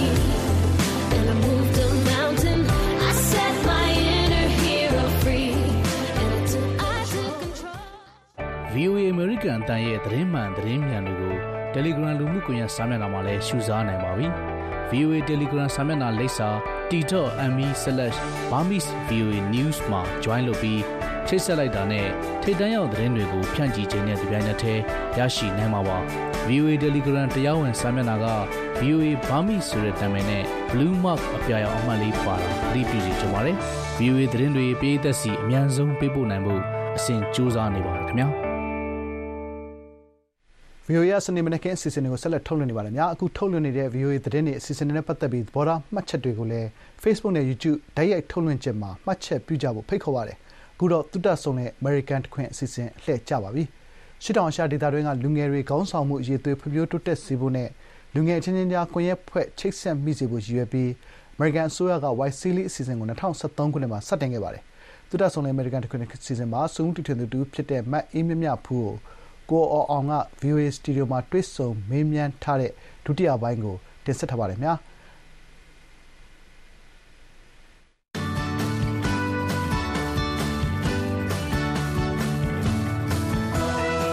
ဒီ Wisely program နဲ့ပတ်သက်ပြီးတော့ဘယ်လိုကိုစပြီးတော့သိခဲ့ရလဲအာဟုတ်ဆိုတော့ Y series ညီမကအာဒီ Y series program ကိုဒါဒုတိယအကြိမ်လျှောက်တာပေါ့နော်ပထမအကြိမ်တော့ညီမလျှောက်တယ်လျှောက်တာကကျတော့ညီမ2000အာ20ဝန်းကျင်လောက်ဖြစ်မယ်ပေါ့နော်အဲ့တော့ကျတော့ညီမဒီအာအတီးတယောက်ကနေပြီးတော့ပြောပြရဲဒီ Y series ရှိရပြီးတော့ညီမကလည်းဒီအဲ့လို program တွေကိုလိုက်ပြီးတော့လေ့လာရဲအဲဒီပေါ့နော်ပါဆိုညီမကလည်းဒီအဲအလုပ်အလုပ်ကကျတော့ social entrepreneur လုပ်ရတဲ့အတွက်ကြောင့်မလို့ကိုယ့်ရဲ့လုပ်ငန်းအတွက်ကိုဒီ grants program တွေကဘာရှိရလဲဘာ opportunity ရှိတယ်အများလိုက်ရှာနေရဲ့သူဆိုတော့တွေ့ရောကြတော့အဲ alumni တွေကိုပြီးတော့ညီမအတိတငယ်ချင်းတော်တော်များများ YC လေး နဲ့တွားကြရဲပေါ့နော်တွားကြတွေ့ရောကြတော့အဲ့ဒါနဲ့ပဲဟိုမေးကြည့်ရဲမေးကြည့်ပြီးတော့လေ့လာပြီးတော့ရှောက်ကြည့်ရဲပေါ့နော်ဆိုတော့ရှောက်ကြည့်ရဲ့အချိန်မှာပထမတစ်ချိန်လုံးကတော့ညီမကအာအမပါပါဘူးပေါ့နော်ဒါဒုတိယအချိန်ရှောက်တဲ့အခါမှာဒီနှစ်မှာညီမပါသွားတာပါရှင်ဟုတ် ဆိုတော့အသက်18ကနေ25အထိဒါလူငယ်တွေရှောက်လို့ရတယ်ဆိုတော့ဟိုပညာရေးချင်းဘွဲတို့ဝါတို့တခြားဘယ်လို qualification မျိုးတွေလို့ဟုတ်ဆိုတော့သူတို့ကရှောက်တဲ့ခါကြလို့ရှိရင်တနိုင်ငံနဲ့တနိုင်ငံတော့မတူဘူးပေါ့နော်တစ်နှစ်နဲ့တစ်နှစ်ကလည်းရှောက်ရတဲ့ application process ကမတူဘူးညီမပထမတစ်ခေါက်ရှောက်တော့ဆိုလို့ရှိရင်သူကဘာကြီးတောင်းလဲဆိုလို့ရှိရင်ဒီ university transcript တွေတောင်းတယ်ဒီပြီးတော့နောက်ကဟိုအမှတ်ကဘာကြီးလဲဆိုရဟာမျိုးတောင်းတယ်ပေါ့နော်ဆိုတော့အဲဒါပေမဲ့ဒီနှစ်မှာတော့မရှိတော့ဘူးမရှိတော့ဘဲနဲ့ဘာပဲရှိလဲဆိုလို့ရှိရင် personal statement ဘာကြောင့်ရှောက်ချင်တာလဲပေါ့နော်အဲ့ဒါမျိုးကြီးပါတယ်အဲပြီးတော့ကြတော့ဟိုအဓိကရောက်သွားပြီးပြီဆိုလို့ဆိုရှင်ပြန်လာရင်ရောဘယ်လိုမျိုးကြီးကိုကကိုယ့်ရဲ့ community ကိုဟိုအကျိုးပြုမှာလဲပေါ့နော်ဒါမျိုးကြီးကိုကိုကရေးရရဲအဲ့ဒါမျိုးကြီးရှိတယ်ဒါပေမဲ့ကျွန်တော်တို့ဒါကမြန်မာပြည် process ပေါ့နော် time time time ကလူတွေရှောက်ရရဲဆိုရှင်သူတို့ဆို video ပေါ့နော်ကိုကကို video ရိုက်ပြီးတော့ self introduction လုပ်ရရဲကိုယ့်ရဲ့ bio ကိုပြောပြရရဲဟာမျိုးကြီးရှိရပေါ့နော်တစ်နှစ်နဲ့တစ်နှစ်ကတော့မတူဘူးရှင်ဟုတ် ဆိုတော့ဟိုကိုရောဘာကြောင့်ဒီ Wesley program ကိုရှောက်ဖြစ်တာလဲအာဟုတ်ဆိုတော့အဓိကကကျတော့ညီမအနေနဲ့ကအဲဆောဆောပြောသလိုပဲညီမဒီလက်မှုနယ်ပယ်ထဲမှာဒီလက်မှုပညာရှင်တွေကိုကူညီခြင်းနဲ့ဆိုပြီးညီမကဟိုဘာမှမသိပဲနဲ့ညီမဝင်ခဲ့ရပေါ့နော်ညီမ16လောက်ခဲ့ရဒီအာနယ်ပယ်ကိုညီမ social entrepreneur အနေနဲ့ဝင်နေပြီးတော့လုပ်တယ်တင်တန်းတွေဖွင့်တယ်ဒါပေမဲ့ဟိုတိတိယောက်ယောက်နဲ့ကိုယ့်ရဲ့ဒီနယ်ပယ်မှာရှိတဲ့လက်မှုပညာရှင်တွေကိုမကူညီနိုင်ဘူးပေါ့နော်အဓိကဟိုဘာမှကိုကမရင်းနှီးဘူးပေါ့နော်မရင်းနှီးရဲ့အခါကျတော့လုံးဝဟိုဟိုဘာမှမသိပဲဝင်ခဲ့တဲ့အတွက်ကြောင့်မလို့ဟိုဟိုဘယ်လိုမျိုးကောင်းကောင်းမွန်မွန်ဆက်ပြီးတော့အကျိုးပြုရမလဲဆိုတဲ့ဟာမျိုးကြီးအဲသိချင်တယ်အဲ့ဒီအတွက်ကြောင့်မလို့ဒီ program ကိုရှောက်လို့ဆိုရှင်သူကလည်း academic နဲ့ပတ်သက်ပြီးသင်ပေးတဲ့အတွက်ကြောင့်မလို့ဒီ program ကို join ရင်တော့တခုခုရနိုင်မယ်ဆိုတဲ့ expectation ပေါ့နော်အဓိကသူညီမတို့ဒီ application process မှာလည်းရေးရတယ်ပေါ့နော်ဘာကြောင့်လဲဟိုဘယ်လိုမျိုး expectation ရှိလဲဒီ program ကနေဘာ learning လုပ်ချင်တာလဲဆိုတော့အဓိကညီမသင်ယူချင်တာကတော့ဒီ အဓိကကို community မှာအဲဒီ impact ကောင်းကောင်းဘယ်လိုလုပ်ရမလဲနောက်ကဟိုဒီလုပ်ငန်းတစ်ခုစားကိုလူမှုအတိုင်းဝိုင်းကိုဘယ်လိုအကျိုးပြုနိုင်မလဲပေါ့နော်အကျိုးပြုနိုင်မလဲနောက်ကလည်းအကျိုးပြုမဲ့အချိန်မှာကကိုကလည်းဟို sustainable ဖြစ်နေရမှာပေါ့နော်ကိုကလည်းလုံလုံလောက်လောက်နဲ့ကိုလုပ်ငန်းကလည်းခိုင်ခိုင်မာမာဟိုပတ်စံရှိရှိနဲ့မှဒီကိုရဲ့လူမှုအတိုင်းဝိုင်းကိုလည်းအကျိုးပြုနိုင်ပါဆိုတော့ညီမလုပ်ခဲ့တဲ့တော့ဆိုရှင်လူမှုအတိုင်းဝိုင်းကိုအကျိုးတော့ပြုရဲဒါပေမဲ့ကိုကိုကိုရိုင်းကအဲ့လိုမျိုးအရန်ဟို တောင့်တင်တဲ့အချိန်မဟုတ်သေးဘူးဆိုတဲ့အခါကျတော့အဲ့ဒါမျိုးကြီးလေ့လာဖို့အတွက်ကိုညီမ okay ဒီ program ကတော့ညီမအတွက်ကိုတော်တော်အထောက်အကူပြုနိုင်မယ်ပြီးတော့လေဒီ US မှာဆိုလို့ရှိရင်ရောဘယ်လိုမျိုးကြီးသူတို့ကလုပ်နေကြရလဲဒါမျိုးကြီးလေ့လာခြင်းလို့ဆိုပြီးတော့အာရှာလိုက်တာပါဒီ program ရှောက်မယ်ဆိုလို့ရှိရင်ပညာရေးချင်းပါညာကြတော့ အအာပညာရေးချင်းကတော့မလို့ပေါ့နော်အဓိကကကိုဘာလုံးနေရလဲအဓိကပညာရေးချင်းမလို့ပါဆိုတာထက်ကိုအဓိကတော့ကို high school လောက်တော့ပြီးထားပြီးတော့အဓိကသူကတော့ qualification ရှိရပေါ့ criteria အနေနဲ့ English လိုမျိုး communication ကောင်းကောင်းလုပ်နိုင်ရမယ်နောက်ပြီးသွားပြီဆိုရှင်ကိုကဟိုကိုနဲ့ related ဖြစ်တဲ့ဟာမျိုးပေါ့ထားပါတော့ဒီ quite social entrepreneur ဆိုကိုမှာပါ project ရှိရတယ်ပေါ့နော်ဒါပေမဲ့ညီမတို့နဲ့ဒီတူတူပါလာတဲ့တချို့ရေဆိုလို့ဆိုရှင်လည်းဒီသူတို့ engineering sector မှာလုပ်တယ်ဒါပေမဲ့သူကဘာကြောင့်ဒီမှာလေ့လာခြင်းလဲဆိုတဲ့ဟာမျိုးဟိုတိတိကျကျလေးပြနိုင်တယ်ဆိုလို့ရှိရှင်ကတော့ဟိုရတယ်ပေါ့ဆိုတော့ဒီ YCL program ကိုကိုကဝင်ပြီးတော့ရှောက်မယ်ဆိုလို့ရှိရင်အဲဟိုဘယ်လိုအချိန်ဒီမှာရှောက်လို့ရလဲဟုတ်သူကဒီ YCL ကသူကဟို cohort နာဒီနှစ်ခုရှိရပေါ့နော်သူက spring နဲ့ fall နဲ့ရှိရပေါ့နော် spring ကဆိုလို့ရှိရှင်နွေဦးရာသီဟုတ်နွေဦးရာသီနဲ့ fall ဆိုဆိုပြီးရှိဆိုတော့နွေဦးရာသီဆိုတော့ May June လောက်ဖြစ်တယ်ဟုတ်ဟုတ် May April May June ပေါ့နော်တော်တော်များများသွားရတာက April ဆောင်းဦးဆိုတော့ August ဟုတ်ဟုတ် September လောက် August မဟုတ်ဘူးနော်ညီမတို့ဆိုရှင်ညီမတို့ဆိုဒီတစ်ခါက October November ပေါ့နော် October November ပိုင်းမို့ဆိုဒါပေမဲ့ရှောင်းမယ်ဆိုရှင်ကသူကအခု spring ရှောင်းမယ်ဆိုရှင်အခုဆိုရှင်ဒီအာဒီ October November ကလေးကသူတို့က application process ဖွင့်တယ်ဖွင့်ပြီးတော့ရှောက်ရတယ်ပေါ့နော်ရှောက်ပြီးတော့မှအာသူကအဲ့မှာ application process December လောက်မှလုပ်ပြီးသွားပြီဆိုရှင် interview section ဝင်ရတယ်ဝင်ပြီးတော့မှအဲ့ interview section ဝင်ပြီးအောင်မှမပြီးသေးဘူးပေါ့နော်သူတို့ကဘာလုပ်ရလဲဆိုဒီ US department ဘက်ကနေပြီးတော့ဟိုပြန်ပြီးတော့ဟိုခွင့်ပြုဒီပြန်ပြီးတော့ selection ပြန်လုပ်ပြီးတော့မှနောက်ဆုံးသွားရတဲ့ဟာမျိုးပေါ့နော်ပြီးရင် visa process တွေလုပ်တာမျိုးကြီးအဲ့လိုပုံစံမျိုးကြီးနဲ့သွားရတယ်ပေါ့ဆိုတော့အဓိကကတော့ဟို fall ရှောက်မယ်ဆိုလို့ဆိုရှင်ကကြောင့်ညီမတို့ကဒီနှစ်စားလောက်ခရေကရှောက်အဲပြောရပြီဆိုရှင်ဒီ August မှာဒီဟိုဟာ spring ကိုသွားချင်တဲ့လူဆိုရှင်ဒီ October November လောက်ခရေကအဲ့လိုမျိုးရှောက်ပေါ့နော်အဲ့လိုပုံစံမျိုးကြီးရှိဒီမှာ exchange program ကငါးဘက်မလေ့လာခင်အချိန်ရတဲ့ဟိုလေ့လာပြီးတဲ့အချိန်မှာကိုပါရီပိုသိလာလဲဟုတ်ဟိုလေးလာပြီးတဲ့အချိန်မှာက ပို့ပြီးတော့ဟိုအထောက်အကူပြုရပေါ့နော်။ဘာလို့ဆိုညီမမလာခင်တော့ဆိုလို့ရှိရင်ညီမကဒီ art and craft နဲ့ပဲမှာရောဒီစုံတီထွင်နဲ့ပဲမှာရောညီမလောက်လာ3နှစ်လောက်ရှိပြီပေါ့နော်။ဒါပေမဲ့ဟိုကိုကိုကိုဟိုအဖြေရှာမရတဲ့ဟာတွေလည်းရှိရဲဆိုတော့ဒီ academic program ကို join ပြီးရတဲ့အချိန်မှာအခွင့်အခွင့်အလမ်းတွေလည်းရလာတယ်ပြီးတော့အဓိကကသူတို့အနေနဲ့ရောဘယ်လိုမျိုးကြီးလုပ်နေရလဲကိုကရောဘယ်လိုလမ်းကြောင်းကိုလုပ်နေရလဲအဲအဲ့အမျိုးကြီးမြင်လာပြီးတော့အဲ တော်တော်လေးဟိုဟိုအထောက်အကူပြုရပေါ့နော်အဲအဲ့လိုမျိုးရောရှိပါတယ်ကိုဟို Texas အပြင်တခြားဘယ်ပြည်နယ်တွေရောက်သေးလဲဟုတ်ဆိုတော့အဲ့မပြင်မှာညီမတို့ New York, Philadelphia နဲ့ Washington DC ဒါနောက်ဆုံးပေါ့နော် Pennsylvania ပေါ့နော်ဟုတ်ဟုတ် New York မှာကျတော့ညီမတို့ကဘာလေးလာရလဲဆိုတော့အဓိကညီမတို့ဒီ UN ကိုသွားတာမျိုးကြီးရှိတယ် UN မှာသွားပြီးတော့အဓိကကဟိုလေးလာရတဲ့ဟာမျိုးကြီးတောက်က museum တွေသွားပြီးတော့လေးလာရတယ်။ Now Philadelphia ကျတော့လည်းညီမတို့ဒီ အာသူတို့ရဲ့ဒီအာ treatment တွေကိုညီမတို့လိုက်ပြီးတော့လေ့လာရတယ်ပေါ့အဓိကကတော့ညီမတို့ဒီ study tour ပေါ့နော်ဒီ US culture နဲ့ပတ်သက်ပြီးတော့ study tour ဖြစ်တဲ့ခါကျတော့အဲ့ဒီတစ်ပတ်လုံးအောင်လုံးဝဟိုအဲ့လိုစာရေးထိုင်ရေးနေအောင်မဟုတ်ဘူးအဲ့လိုမျိုးဒီ museum တွေသွားလေ့လာရတယ်အဲ့လို UN သွားလေ့လာရတယ်အဲ့လိုပုံစံမျိုးတွေရှိရပေါ့နော် Washington DC ရောက်လာတဲ့ခါကျတော့ညီမတို့ White House ကိုညီမတို့သွားလေ့လာရတယ်ပေါ့နော်ဆိုတော့ညီမတို့ဒီဒီ fall 2023ကအရန်ကန်ကောင်းတဲ့ cohort ပေါ့နော်ဘာလို့ဆိုတော့ရှေ့ကအဲဒီ အဲ cohort တွေမှာဆိုရှင်ဒီ White House တွေကိုဝင်ခွင့်မရဘူးဒါပေမဲ့ညီမတို့ဒီ cohort မှာဆိုညီမတို့ White House တွေကိုဝင်ခွင့်ရတယ်ဝင်ခွင့်ရပြီးတော့ဒီဒီမှာဆိုရှင်ဘယ်လိုမျိုးတွေအဲ activities တွေလုပ်ခဲ့လေဒါမျိုးတွေကိုညီမတို့လေ့လာရတယ်ပြီးတော့နောက်ဆုံးညီမတို့ DC မှာကကျတော့ဒီအဲ embassy ကနေပြီးတော့ certificate ပေးရပေါ့နော်ဒီအဲ့အခမ်းအနားတွေကိုညီမတို့အဲ့လိုမျိုးလုပ်တာမျိုးရှိပါတယ်ဟုတ်ကဲ့ပါအမြင်မြောက်အခုလို view တွေကိုလာပြီးတော့တွေ့ဆုံမေးမြန်းခွင့်အချိန်ပေးတဲ့အတွက်သူပဲကျေးဇူးတင်ပါတယ်ဟုတ်ကဲ့ညီမကလည်းကျေးဇူးများတင်ပါတယ်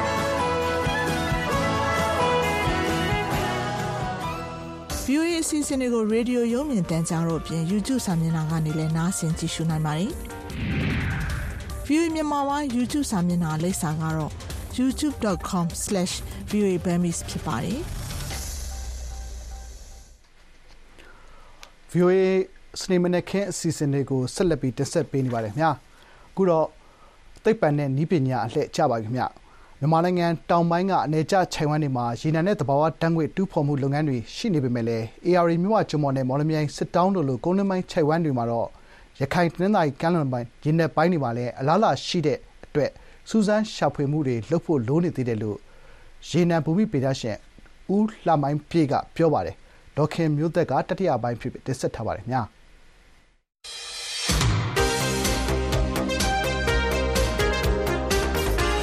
ဒီတစ်ပတ်တော့မြန်မာနိုင်ငံတောင်ပိုင်းကရရေနံနဲ့သဘာဝဓာတ်ငွေအခြေအနေကိုပြောပြပါရစေ။ဒီရေနံနဲ့သဘာဝဓာတ်ငွေတယံဇာတခိုအောင်နိုင်တဲ့အနေကျဂျန်ဝမ်18ခုထဲမှာစနစ်တကျမရှာရသေးတဲ့နေရာတွေကအများကြီးရှိနေပါသေးတယ်။ဒီထဲက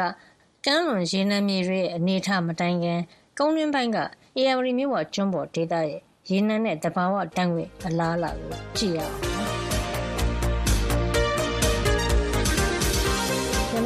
န်မာနိုင်ငံရဲ့ပေါ့နော်အေယာဝတီဒီမြစ်ဝကျွန်းပေါ်ဒေသတောက်တစ်လျှောက်မှာဒီရေနံသဘာဝဓာတ်ငွေအလားအလာနည်းနည်းပြောပြပေးပါဆရာ။ AR အနေကြကြိုက်ဝမ်းမှာရှိတဲ့ဟာမှာဆိုရင်ဟိုးရင်ခစ်ပေါ့ပြီးတော့ MOGE ခစ်မှာလည်းဖျားကုန်းကနေပြီးတော့ gas တွေထွက်တဲ့အတွက်အဲ့ဟာတွေကိုယူပြီးတော့ရန်ကုန်မှာကျွန်တော်တို့ acid ဓာတ်အားထုတ်လို့ရေးအတွက်သုံးပါတယ် ပြီးရင်1995ခုနှစ်နောက်ပိုင်းမှာဆိုရင် MOD ကရှာဖွေထုတ်လုပ်တဲ့အတွက်အဖျောက်ရင်အဖျောက်တန်ငွေမြေပေါ်လာပါတယ်ပြီးတဲ့အခါမှာဆိုရင်ညောင်တုံးတန်ငွေမြေပေါ်လာပါတယ်ပြီးရင်မအူရင်တန်ငွေမြေပေါ်လာပါတယ်နော်အဲ့တန်ငွေမြေ၃ခုကနေပြီးတော့ဒီတန်ငွေတွေကိုထုတ်ယူသုံးစွဲ AR မြဝကျုံပေါ်နဲ့ပတ်သက်ပြီးပြောရမယ်ဆိုရင်တော့ AR မြို့ဝကျုံပေါ်မှာဆိုရင်အပေါ်ကနေပြီးတော့ဒီ AR series ပေါ့နော်ဒီကြောက်လွှာစုကနေပြီးတော့ဖုံးအုပ်ထားတယ်မြေပြန့်နေပြီဖြစ်အဲ့တော့အောက်မှာ structure တွေရှိသလားဆိုတဲ့ဟာကိုကျွန်တော်တို့တေးသေးချာချာ seismic တွေတိုင်းတာပြီးတော့ကျွန်တော်တို့မရှာသေးပါဘူးပြီးတော့လေ AR မြင့်ဝကျွန်းပေါ်ကခုနပြောသလိုပဲမြင့်ဝကျွန်းပေါ်ဆိုတဲ့အတိုင်း မြစ်လက်တက်တွေရှိနေတဲ့အတွက် seismic တိုင်းတာရေးတွေမှာတော့သူကအထန့်တာဖြစ်နေတော့တကယ်လို့ဒါကျွန်တော်တို့စနစ်တကျเนาะအသေးစိတ်ဒီ seismic တိုင်းတာမှုတွေရှိရင်လုံနိုင်ခဲ့ရင်ကျွန်တော်တို့ခုနပြောတဲ့ဒီအခုလက်ရှိသုံးနေတဲ့ရေနံဓာတ်ငွေ့မြေ၃ခုလိုပဲကျွန်တော်တို့တွေထပ်ပြီးတော့တွေ့မယ်လို့တော့ကျွန်တော်မျှော်လင့်ပါတယ် ဟုတ်ကဲ့ပါဆရာဟိုလေ အခုရခိုင်ပြည်နယ်ဘက်မှာတော့ဒီဟိုပေါ့နော်ဟိုလက်ရက်တွင်းနေလည်းရှိပါတယ်ဆရာအဲ့ရခိုင်ပြည်နယ်မှာတော့အခုကျတော့ဟိုရွှေတဘာဝတန်းငွေနဲ့တန်းငွေတူးဖော်နေပါတယ်ဒီကုန်းရင်းပိုင်းနေမှာရောအလားလာရှိပါလားဆရာအနေကြကြိုင်ဝင်12ခုကိုကြည့်မယ်ဆိုရင်ပေါ့နော်ရခိုင်ကမ်းမြောင်ဒေသဆိုရဲပေါ့နော်ဟိုအနေကြကြောက်ကြောက်တည်ရှိတာကမ်းလွန်ကိုမရောက်ခင် အဲ့မှာဆိုရင်ကျွန်တော်တို့တောက်လျှောက်ဟိုးအရင်ခစ်တည်တဲ့ဟိုကနော်အင်္ဂလိပ်ကိုလိုနီလက်ထက်ထဲမှာဟိုကရံပြဲတို့ဖယုံကာတို့နော်အဲ့ဟာဒီမှာဆိုရင်ရေနံတွေထွက်ရှိတာရှိခဲ့ပါတယ်နော်ထုတ်ခဲ့တယ်ပေါ့နော်ဒါပေမဲ့ကြီးကြီးကျယ်ကျယ်တော့မဟုတ်ဘူးအ ਨੇ ချင်းထုတ်ခဲ့တယ်အခုချိန်မှာဆိုရင်တော့လက်ရက်တွင်းနေနဲ့လို့ဌာနေသမားတွေကဒါကိုထုတ်နေတယ် ဒါတခုပဲပေါ့နော်ဘာကြောင့်ကြီးကြီးကျယ်ကျယ်မတွေ့လဲဆိုတော့ဒါကတော့ဘူမိဗေဒ tectonic သဘောအရာနော်ကျွန်တော်တို့ဒီ Indian plate နဲ့ဒီ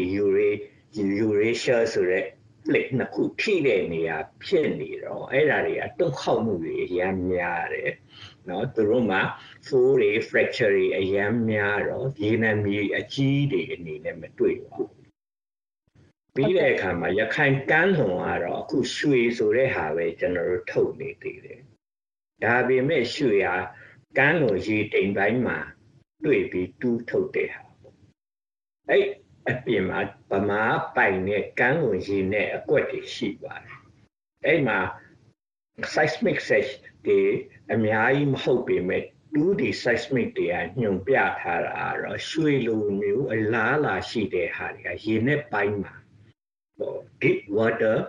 block တွေထဲမှာတွေ့နိုင်တယ်လို့ယူဆပါတယ်အဲ့တော့တစ်ခုပဲပေါ့နော် deep water ဆိုတဲ့ဟာကိုလုပ်တဲ့အခါမှာရေအနက်ကပေ2000ကျော်ပေါ့ဟိုပင်လေရေမျက်နှာပြင်ကနေပြီးတော့အောက်ကပင်လေဒီကျမ်းပြင်ပေ2000ရှိတော့အဲ့ဟာတွေမှာရေနံရှာတာပဲဖြစ်ဖြစ်တွေးလို့ထုတ်လုပ်တာပဲဖြစ်ဖြစ်ကုန်ကျစရိတ်တွေကအများများတယ်အဲ့တော့အခုလက်ကြည့်တော့ ဘယ်သူမှရေနဲ့အကွက်တွေကိုမယူသေးပါဘူးပြီးတော့ MOG ကတော့အဲ့ဒါကိုသူတို့တန်တာခေါ်ဖို့လုပ်နေတယ်ပေါ့နော်ဒီဟိုစားနိုင်ငံရေးအပြောင်းလဲမဖြစ်ခင်တော့အဲ့တော့နောက်တစ်ချိန်မှာတော့ခေါ်မှာပေါ့လေနော်ခေါ်ပြီးတဲ့အခါမှာဆိုရင်နော်အဲ့ဒီဟာတွေမှာရှာရင်တွေ့ရှိရွှေလိုအလားတူဟာတွေတွေ့နိုင်တယ်လို့ယူဆပါတယ်အဲ့ နောက်ဆုံးကျန်တာကဒီကတနင်္လာရီကမ်းရိုးတန်းပေါ့နော်ဒီမွန်ပြည်နယ်နဲ့တနင်္လာရီကမ်းရိုးတန်းအဲ့ဒီတစ်လျှောက်မှာရောဆရာ အဲတနင်္သာရီကမ်းရိုးတန်းမှာတော့ကျွန်တော်တို့ဟို Petronas Malaysia Petronas ကနေပြီးတော့เนาะသူတို့ရဲတကွန်ဆိုပြီးတော့ထုတ်သွားတယ်ပြီးတဲ့အခါမှာဒီဟိုနိုင်ငံရေးအပြောင်းလဲဖြစ်တဲ့အချိန်မှာသူတို့လည်းထုတ်လုပ်မှုကြတဲ့အတွက်သူတို့ကနေပြီးအဲ့ဒါကိုပြန်အပ်ပြီးတော့ပေါ့เนาะသူတို့ကနေပြီးတော့ ဟိုစားထွက်သွားတယ်အဲ့ဒါကိုဆိုရင်ကျွန်တော်တို့တခြား local လို့ခေါ်မှာပေါ့ဌာနေဟိုစားဖြစ်တဲ့နော် GPM ဆိုတဲ့ဟာပေါ့ gas petroleum မြန်မာဆိုတဲ့ local လူအားတွေကနေလက်လွှဲယူပြီးတော့အခုရက်ထိတော့ထုတ်လို့ရေးကိုဆက်လုပ်နေတယ်အဲ့တော့အဲ့လိုမျိုးအလားအလာရှိတဲ့ဟာတွေရှိသလားဆိုတော့ကျွန်တော်တောင်ဘက်ကိုသွားနေဒီဟိုအကွက်တွေက ဟိုရေအနက်တွေကပို့ပြီးတော့နက်သွားတယ်ပေါ့နော်အဲ့ဘက်ဒီမှာလည်းခုနပြောတဲ့ seismic ကို detail တော့မရှာသေးပါဘူးဟို 2D seismic တွေတော့ပြီးတယ်ဒါပေမဲ့တွင်းတူးတာတွေအများကြီးမလုပ်ရသေးဘူးပေါ့နော်အဲ့တော့ဟိုလားလာရှိသလားမရှိဘူးလားဆိုတာတော့ရှာဖွေရေးလုပ်ပြီးပြီးမှပဲသိမှာပေါ့ဟုတ်ကဲ့ပါဆရာကျေးဇူးအများကြီးတင်ပါတယ်ဆရာဟုတ်ကဲ့ကျေးဇူးတင်ပါတယ် ရေနံဘူမိဗေဒပညာရှင်ဦးလှမိုင်းပြည့်ရဲ့ပြောကြားချက်နဲ့ပဲဒီသတင်းပတ်အတွက်သိပ္ပံနဲ့ဤပညာကဏ္ဍကိုဒီမှာပဲရန်နာလိုက်ပါရစေနောက်တစ်ပတ်မှာပြန်ပြီးဆုံရအောင်ပါ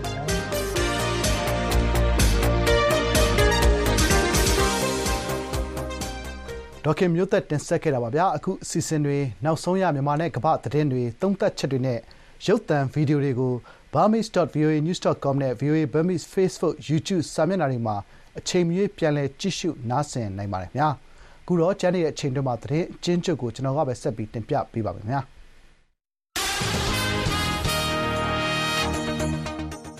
ရုရှားပေါ်တန်ခတ်မှုအသစ်900ကျော်ချမှတ်ကြောင်းရုရှားရဲ့ယူကရိန်းကျူးကျော်စစ်နှစ်နှစ်ပြည့်နှစ်ပတ်လည်အကြိုနေ့ဖြစ်တဲ့တောက်ကြနေ့မှာအမေရိကန်သမ္မတဂျိုးဘိုင်ဒန်ကကြေညာလိုက်ပါတယ်။ဒါဟာရုရှားသမ္မတပူတင်ရဲ့ယူကရိန်းကိုကျူးကျော်တိုက်ခိုက်တဲ့စစ်ပွဲနဲ့ရုရှားအတိုက်အခံခေါင်းဆောင် Alexei Navalny အကျဉ်းကျနေတုန်း သေဆုံးခဲ့မှုအတွက်အရေးယူတဲ့အနေနဲ့ချမှတ်တာဖြစ်ကြောင်းပြောပါတယ်။ Navalny ကိုဖမ်းဆီးအကျဉ်းချမှုနဲ့ဆက်နွယ်နေတဲ့ လူပုဂ္ဂိုလ်တွေအပြင် ရုရှားရဲ့ ဘဏ္ဍာငွေကြေးကဏ္ဍ၊စစ်ပစ္စည်းထုတ်လုပ်ရေး လုပ်ဆောင်နေသူတွေ၊ကြားပွဲစားလုပ်ပေးသူတွေနဲ့ အမေရိကန်ရဲ့ဒဏ်ခတ်မှုကို နေရာအနှံ့ ရှောင်တိမ်းလုပ်ဆောင်နေသူတွေကို ပစ်မှတ်ထားအရေးယူတာဖြစ်ပါတယ်။တခါ အစ္စရေးရဲ့ လေကြောင်းတိုက်ခိုက်မှုကြောင့် ဂါဇာမှာတော့ ၂၄ နာရီအတွင်း လူပေါင်း ၁၀၀ ကျော် သေဆုံးခဲ့ရတယ်လို့ ဟားမတ်စ် ထိန်းချုပ်ထားတဲ့ ဂါဇာကျန်းမာရေးဝန်ကြီးဌာနကသောကြာနေ့မှာပြောပါတယ်။ဂါဇာတောင်ပိုင်းက Khan Younis နဲ့ Rafah မြို့တွေမှာအစ္စရေးကလေကြောင်းတိုက်ခိုက်ခဲ့တာဖြစ်ပြီးသေဆုံးသူဟာအနည်းဆုံး၁၀၄ယောက်ရှိနေတယ်လို့ဂါဇာကျန်းမာရေးဝန်ကြီးဌာနကသတင်းထုတ်ပြန်ထားပါတယ်။ယီမင်နဲ့ပင်လယ်နီရေပြင်မှာရှိတဲ့ဟူသီလက်နက်ကိုင်တပ်ဖွဲ့တွေရဲ့ဒရုန်းတွေနဲ့သင်္ဘောဖျက်ပဲ့ထိန်းတပ်မစ်ဇိုင်းဒုံးတွေကိုဖျက်ဆီးပစ်လိုက်တယ်လို့အမေရိကန်စစ်တပ်ကသောကြာနေ့မှာပြောပါတယ်။ ဒီလက်နက်တွေဟာရေကြောင်းမှာရှိတဲ့ကုန်သင်္ဘောတွေနဲ့အမေရိကန်ရေတပ်သင်္ဘောတွေကိုခြိမ်းခြောက်အန္တရာယ်ပေးတော့မယ့်အနေအထားဖြစ်နေတာကြောင့်အခုလိုဖျက်ဆီးပစ်ရတာလို့အမေရိကန်စစ်တပ်ကသတင်းထုတ်ပြန်ပါတယ်။တခါမြောက်ကိုရီးယားဆိုင်ရာအမေရိကန်အရာရှိနဲ့တရုတ်အရာရှိတို့ဟာရုရှားနဲ့မြောက်ကိုရီးယားကြားစစ်ရေးပူးပေါင်းဆောင်ရွက်မှုတိုးမြှင့်လာတာနဲ့ပတ်သက်ပြီးဒီသီတင်းပတ်ထဲမှာပဲဗွီဒီယိုနဲ့ဖုန်းခေါ်ပြီးဆွေးနွေးခဲ့ကြတယ်လို့အမေရိကန်နိုင်ငံခြားရေးဌာနကသောကြာနေ့မှာပဲသတင်းထုတ်ပြန်လိုက်ပါတယ်။ မြောက်ကိုရီးယားဆိုင်ရာ အမေရိကန်အကြီးတန်းအရာရှိရန်ဖက် နဲ့ ကိုရီးယားကျွန်းဆွယ်ရေးရာ တရုတ်အရာရှိ လျူရှောင်မိန် တို့နှစ်ဦးက မြောက်ကိုရီးယားရဲ့ အနေအထားဟာ မတည်မငြိမ် ပိုဖြစ်လာတာ တွေ့ရတယ်လို့ ပြောကြောင်း အမေရိကန် နိုင်ငံခြားရေးဌာနက ထုတ်ပြန်တဲ့ ကြေညာချက်မှာ ဖော်ပြထားပါတယ်ခင်ဗျာ။ထိပ်တန်း သတင်းအကျဉ်းတွေကတော့ ဒီလောက်ပါပဲ။အခု မနက်ခင်း အစီအစဉ် ထုတ်လွှင့်မှုကကိုရဲမွန် ဖြစ်ပြီးတော့ရုပ်သံ ဒါရိုက်တာကတော့ James Smith ဖြစ်ပါတယ်ဗျ။ VOA အမေရိကန်